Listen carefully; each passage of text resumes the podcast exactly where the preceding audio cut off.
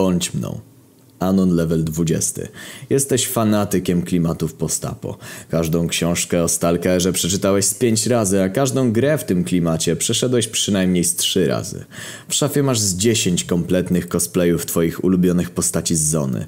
Na ścianie wiszą repliki broni, MP40, Glock, sztucer i prawilny kałaszek. Pod nimi na szafce stoją głowy manekinów. Na każdej z nich masz inną maskę przeciwgazową, a w szufladach pod tymi maskami masz zapas filtrów, które pozwoliłyby na tydzień ciągłego oddychania w każdej z masek. Twoje łóżko to materac leżący na sześciu dużych drewnianych skrzyniach. W każdej ze skrzyni jest zapas jedzenia i picia na tydzień, czyli cały zapas ze skrzyń daje ci możliwość niewychodzenia z pokoju przez półtora miesiąca.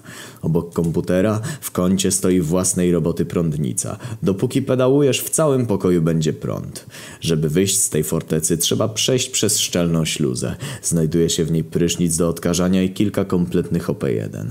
Oczywiście w pokoju zainstalowałeś system wentylacji, który pobiera powietrze z zewnątrz, filtruje je i wtłacza do piwnicy. Od zawsze chciałeś odwiedzić Czarnobyl. Lurkowałeś akurat internet, kiedy wpadła ci w oko reklama Lidla z wycieczką do Czarnobyla. Nie mogłeś przegapić takiej okazji. Miałeś kasę, bo wygrałeś ostatnio trzy tysiaki w zdrabce. Zapisałeś się i przelałeś na konto pieniądze. Gdy tylko przyszła wiadomość zwrotna, zacząłeś się pakować. Do plecaka wziąłeś saperkę, trzy zestawy survivalowe, dwa noże oraz zapas jedzenia i picia na jakieś trzy dni. Miałeś też skafander i kilka standardowych rzeczy. Do plecaka przyczepiłeś maskę przeciwgazową, wojskową pelerynę przeciwdeszczową i śpiwór. Do małej kieszonki na dole plecaka włożyłeś replikę Glocka. Byłeś gotowy do wyjazdu. Zbiórka pod Lillem o dziewiątej rano. Za dwa tygodnie. Two weeks later. Stawiasz się pod Lidlem trzy godziny przed zbiórką. Masz na sobie wojskowe buty, spodnie w polskim kamuflażu z demobilu, czarną koszulkę i czapkę patrolówkę. Z szyi zwisał ci nieśmiertelnik. Drugą część miałeś w lewym bucie. Gdy autokar podjechał i wysiadł niego przewodnik, stanąłeś przed nim równo 2.137 metra od jego twarzy i zasolutowałeś. Popatrzył na ciebie jak na debila, ale powiedział, żebyś schował plecak i wsiadał. Usiadłeś na samym przedzie przy oknie i uśmiechnięty czekałeś aż ruszycie. Obudziłeś się, gdy wjechaliście do Ukrainy, bo drogi były w tak złym stanie, że na poboczu było mniej wertepów.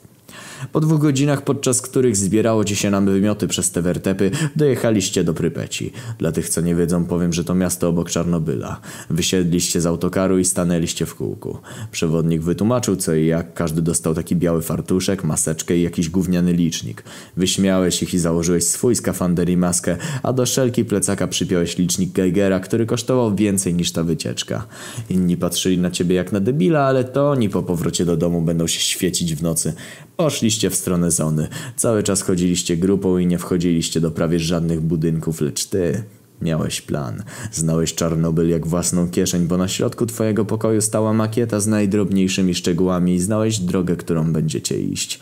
Plan zakładał, że na zakręcie koło szpitala wkroczysz w otwarty włas studzienki na podjeździe. Później pójdziesz kanałami 300 metrów na zachód i wyjdziesz w bezpiecznym miejscu.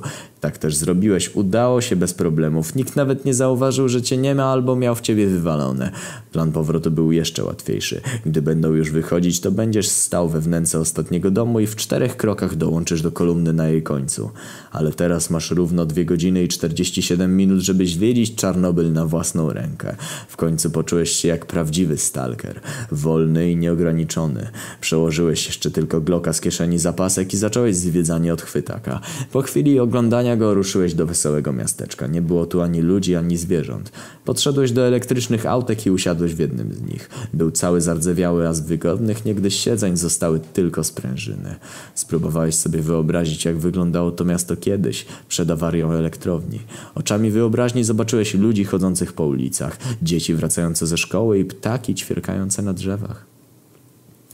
Z tych rozmyśleń wyrwał cię piszczący zegarek. Sygnalizował on czas wymiany filtrów w masce. Zrobiłeś to i wyruszyłeś w dalszą drogę. Zostały ci niecałe dwie godziny. Poszedłeś w stronę elektrowni. Chciałeś dotknąć tego legendarnego sarkofagu. Po dwudziestu minutach byłeś pod bramą elektrowni. Wszedłeś tam i zacząłeś zmierzać w stronę reaktora numer 3. Gdy byłeś jakieś 50 metrów od niego, stanąłeś jak wryty. Zobaczyłeś jakąś postać stojącą w otwartych drzwiach sarkofagu i wyjmującą z niego małe dziecko. Nie widziałeś twarzy, ale poznałeś go po jednym małym szczególe. Czerwone oprawki szkiełek w jego masce przeciwgazowej to był Jurij Owsienko, największy polski oszust i naciągacz, który co roku wyłudza miliony złotych od ludzi i finansuje z nich różne dziwne festiwale i tajne działania swojej organizacji. Zacząłeś się powoli cofać, ale przypadkiem stanąłeś na stalowym pręcie i to sprawiło, że Jurij cię zauważył. Odwrócił głowę w twoją stronę i sięgnął po nóż. Wiedziałeś, że nie masz z nim szans w walce wręcz, więc postanowiłeś zagrać jedyną kartą dającą cień szansy na przeżycie życie.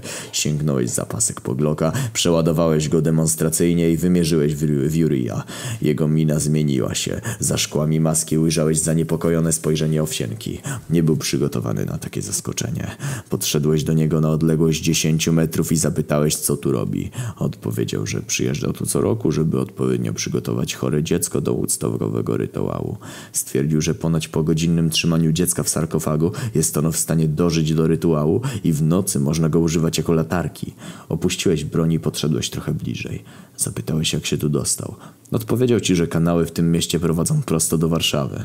Zrobił sobie kolejkę w nich i w ten sposób dojeżdża tu niezauważony. Po chwili zapytał, co chcesz w zamian za milczenie.